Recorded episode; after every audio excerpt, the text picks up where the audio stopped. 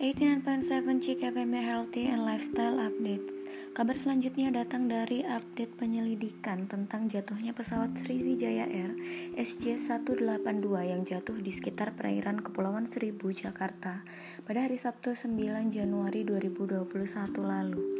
Berdasarkan hasil investigasi Komite Nasional Keselamatan Transportasi atau KNKT, sistem pesawat dengan rute Jakarta Pontianak tersebut masih berfungsi sesaat sebelum terbentur ke permukaan air. Merujuk data radar ABSB dari Perum Penyelenggara Penyelayanan Navigasi Penerbangan Indonesia, sistem pesawat masih benar-benar berfungsi ketika masih mengudara. Di samping itu, data radar ADSB juga mencatat pesawat mengudara dari Bandara Soekarno-Hatta sekitar pukul 14.36 waktu Indonesia Barat. Namun setelah sempat terbang tinggi, pesawat justru perlahan mulai menurun. Data radar tersebut mencatat perjalanan pesawat tersebut ketika berada di ketinggian 250 kaki di atas permukaan laut, lalu tiba-tiba menurun hingga akhirnya jatuh drastis ke permukaan air.